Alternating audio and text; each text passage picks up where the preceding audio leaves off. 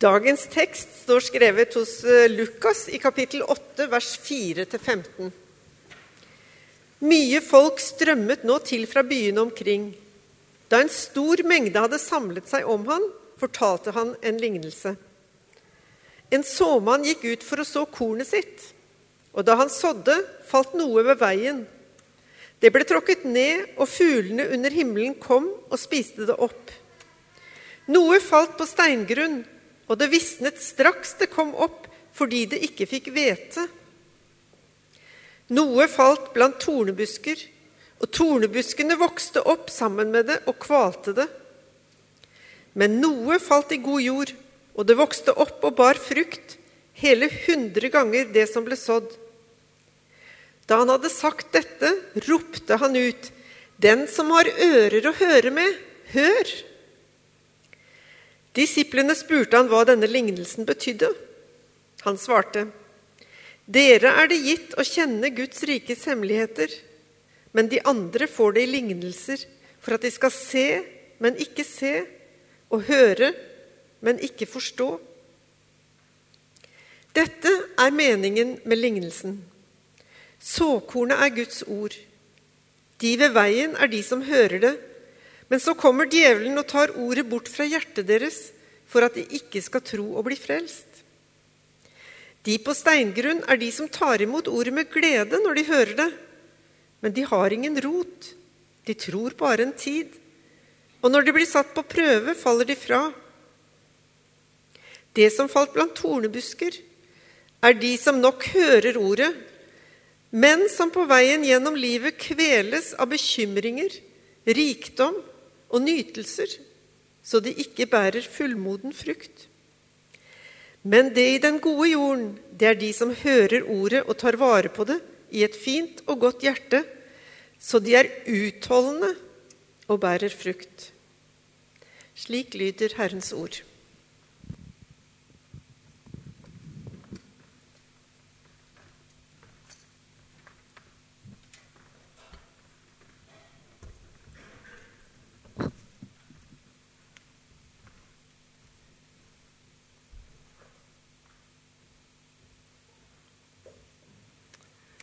Dagens tekst, eller dagens evangelie, står skrevet i det utfordrende evangelium, vil jeg påstå. Lukasevangeliet har noen særtrekk eh, og vektlegger noen sider av Jesu liv og Jesu forkynnelse ekstra sterkt.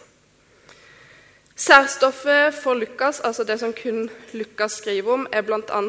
lignelsen om den barmhjertige samaritan, fortellinga om Martha og Maria, Lignelsen om den dårlige forvalteren, eller forvalteren som handla uklokt. Lignelsen om den rike mannen og Lasarus. Noen eksempel. Lukas berører ofte temaet rikdom, fattigdom, og understreker de rikes ansvar for å bruke sin eiendom til det beste. Og evangeliet, eller Lukas evangeliet fremhever ofte Jesu omsorg for de svake, for de utstøtte. Og utfordre de sterkere, eller de med mer, til å bruke sine ting, sine gaver, sin rikdom på å løfte opp andre. Lukas evangeliet betoner at Jesus gikk til de utstøtte. Og i Lukas 4 så får vi det som vi kan kalle for programtalen. Det er der Jesus setter i gang sitt offentlige virke, sin første offentlige tale. Og han er i sin hjemby, Nasaret, i synagogen. Han slår opp i skriftrullen, eller han får den udelt, og leser fra Jesaja. Herrens ånd er over meg, for han har salvet meg til å forkynne et godt budskap for fattige. Han har sendt meg for å rope ut at fanger skal få frihet, at blinde får syn igjen, for å sette undertrykte fri og for å rope ut et nådens år for Herren. Og så er det akkurat det Jesus går ut og gjør.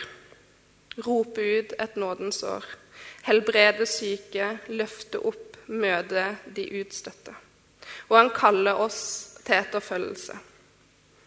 Og han snakker om dette gang på gang, og gang på gang så er det mange som ikke klarer å ta det til seg. Og midt inni dette så kommer dagens tekst. Nok en lignelse fra Jesus, og jeg tror en av de få, om ikke den eneste, som han forklarer. Og jeg har valgt å tyne oss inn på bare ett av dagens vers av disse mange. I vers 14 så står det i dagens tekst Det falt som blant tornebusker. Det som falt blant tornebusker, er de som nok hører ordet, men som på veien gjennom livet kveles av bekymringer, rikdom og nytelser, så de ikke bærer fullmoden frukt. Jeg kan iallfall kjenne igjen i mitt liv det er andre ytre faktorer eller andre faktorer som kveler den frukten jeg håper og ber om at mitt liv skal bære fram. Jeg jobber til daglig som sykehjemsprest. Eh, og en av de tingene jeg gjør i min jobb, det er å lese dikt sammen med noen av beboerne på sykehjem her i Oslo. Og en av de som jeg leser dikt for, hun pleier å si hver gang når jeg har lest et dikt Tenk så flott å kunne med så få og alminnelige ord si noe så stort. Og som predikant som er glad i å bruke mange ord, så kan jeg nok misunne de som har evnen til å med få alminnelige ord slå spiggeren skikkelig på hodet. Og en som jeg syns får det godt til av og til, det er Alexander Lorentzen, som går her i vår menighet. Og han har skrevet en tekst, en sangtekst som setter ord på noe av det jeg kan i fall føle på som menneske i det samfunnet vi lever i i dag. Og i det første verset i sangen 'Too Much Noise' så har Alexander skrevet Too much noise, too much to take. Tyrants of disturbance, dictators notifying. Who can buy? Who can buy me freedom? I'll sign for that subscription if you have a payment plan. Jeg har lyst til å snakke om en av de største tornebuskene i dagens samfunn. Og jeg vil si innledningsvis at jeg snakker til oss i dette rommet. Jeg snakker ikke om barn eller ungdoms forhold til dette her. Jeg snakker til oss. Av to grunner. For det første fordi jeg ikke har barn sjøl, og det er skummelt å stå her og fortelle de av dere som har barn, om hvordan dere skal løse oppdragelsen. Men òg fordi jeg mener at det er et reelt problem, det er en reell tornebusk for oss voksne. Og det er mobilen og spesifikt i dag sosiale medier eller andre medium knytta til Internett. Og vi har en tendens vil jeg si, til å ofte snakke om innholdet. Om hva innholdet på sosiale medier gjør med oss. Men jeg tenker at det er på tide å hente fram igjen noe som i hvert fall var basic kunnskap når jeg tok sosiologi på videregående. Og det er den canadiske filosofen Marshall McLuhan. Og han har sagt det kjente utsagnet, eller skriver det The medium is the message. Budskap Nei, mediumet er budskapet. Og i denne teorien til McLuhan så det han mener med budskap, er det som skaper endring. Det som skaper endring i oss. Og han er mer opptatt av at det er formen på budskapet enn innholdet som reelt skaper endringer. Og han utdyper dette med et bilde. Han beskriver innholdet i mediet som et eh, På engelsk står det 'juicy piece of meat', som bæres av tyven for å distrahere vakthundene for vår hjerne eller mind eller vårt liv. Innholdet er bare det som forvirrer oss fra det som virkelig skjer. Og vi kan snakke masse om alt det usunne og til tider gode innholdet på sosiale medier. Men sosiale medier og Internett for øvrig ofte er bygd på en modell som handler om å fange vår oppmerksomhet. For det er det de som står bak, tjener penger på. Vår oppmerksomhet. Og det er det jeg mener er problematisk. Fordi det er en modell som bruker alt de kan. Det sitter en hel haug av godt betalte, velutdanna folk bak alle disse mediene vi bruker.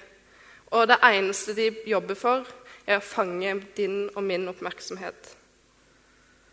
Samme hva innholdet er. For de tjener penger på å kunne fange vår oppmerksomhet og selge vår oppmerksomhet til markedsførere.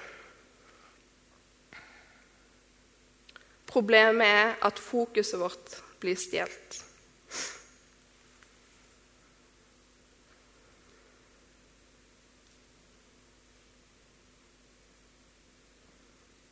Og jeg tenker at det til syvende og sist er det dagens tekst òg handler om.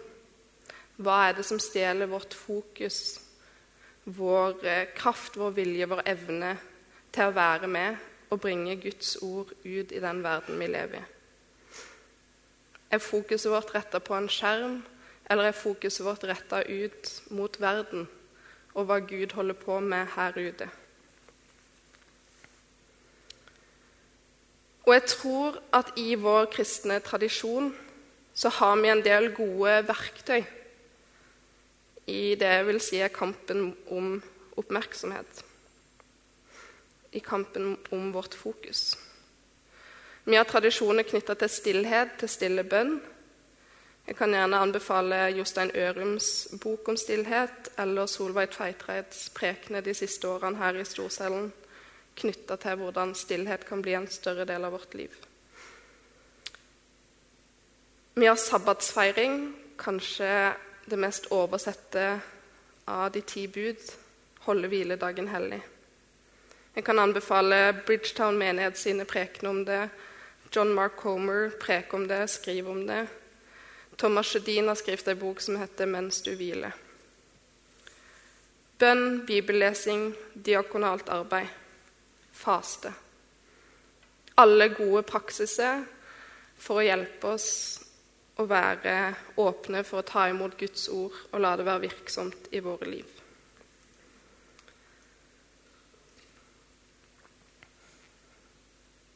Personlig iallfall så har jeg kjent for et behov i mitt liv på å gjøre en slags Marie Kondo-opprydning i hva jeg bruker tida mi på. Jeg vet ikke om alle her kjenner til Marie Kondo, men det er en dame som har gått eh, viralt med sin opprydningsmetode.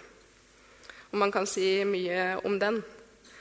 Og dette Eh, spørsmålet som hun vil at du skal stille deg knytta til eiendommene du eier. At du skal løfte opp hver eiendom eller hver ting du eier, og så skal du spørre Does this spark joy? Det har noe for seg, og så er det andre ting som absolutt kan kritiseres. Men, og jeg tenker ikke at vi som kristne skal løfte opp hver del i vårt liv og spørre oss Does this spark joy? Men kanskje vi heller kan vende oss til Hebreabrevet 5 vers 22 og 23. Mens åndens frukt er kjærlighet, glede, fred, overbærenhet, vennlighet, godhet, trofasthet, ydmykhet og selvbeherskelse. Og jeg tror ikke at all den tida vi bruker på skjerm, bærer med seg så veldig mye av disse tingene. Jeg vil gjerne diskutere det hvis noen er uenig.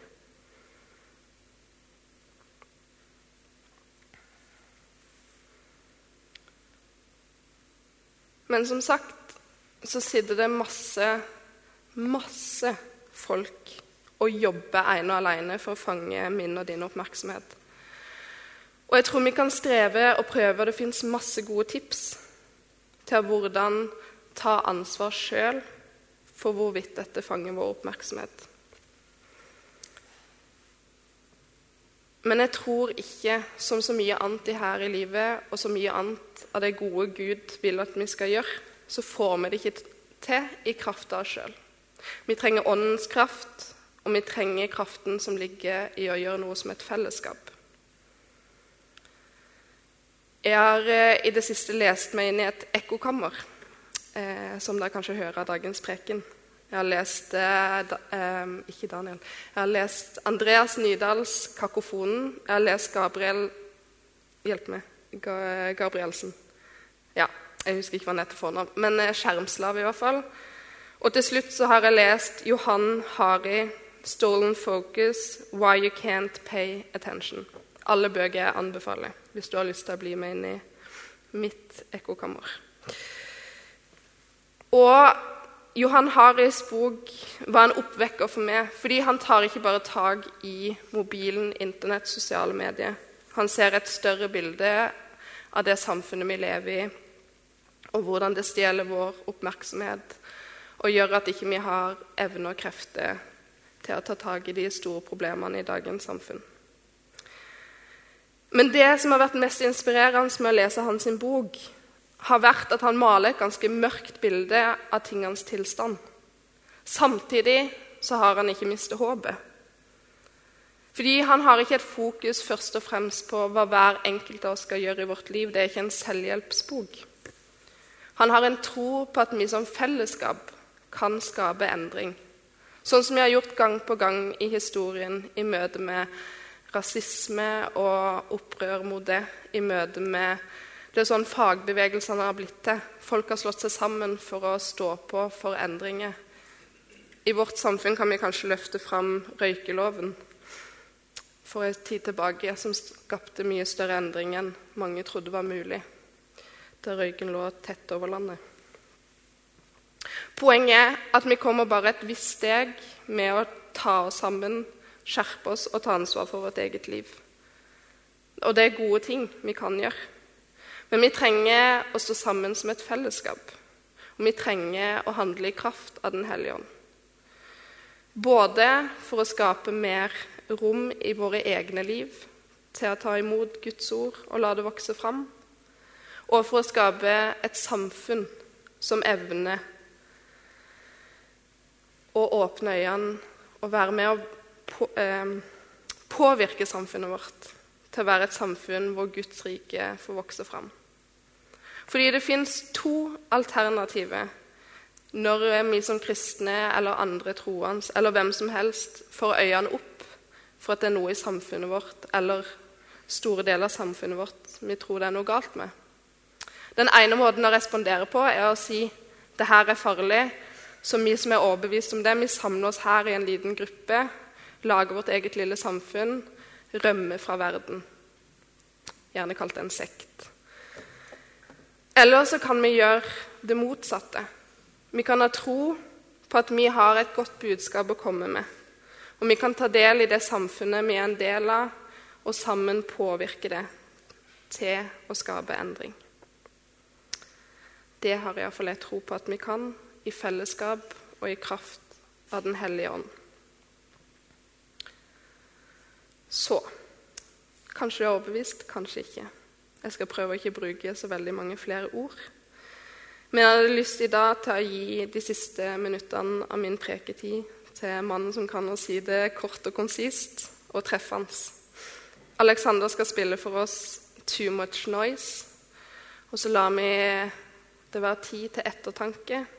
Kanskje holder Den hellige ånd på med å jobbe med helt andre tornebusker i ditt liv. Men jeg har virkelig tro på at denne tornebusken gjelder for mange av oss. Og etter Alexander har spillet, så lar vi det bare være litt stille mens eh, går og gjør seg klar. Og så gjør vi som vi pleier, at vi bruker tida sammen i lovsang, bønn, stillhet. Og det er som vanlig forskjellige poster rundt i rommet, mulighet for å tenne lys. Jeg kommer til å lyse en velsignelse i hjørnet her. Så Lytt med åpne hjerter.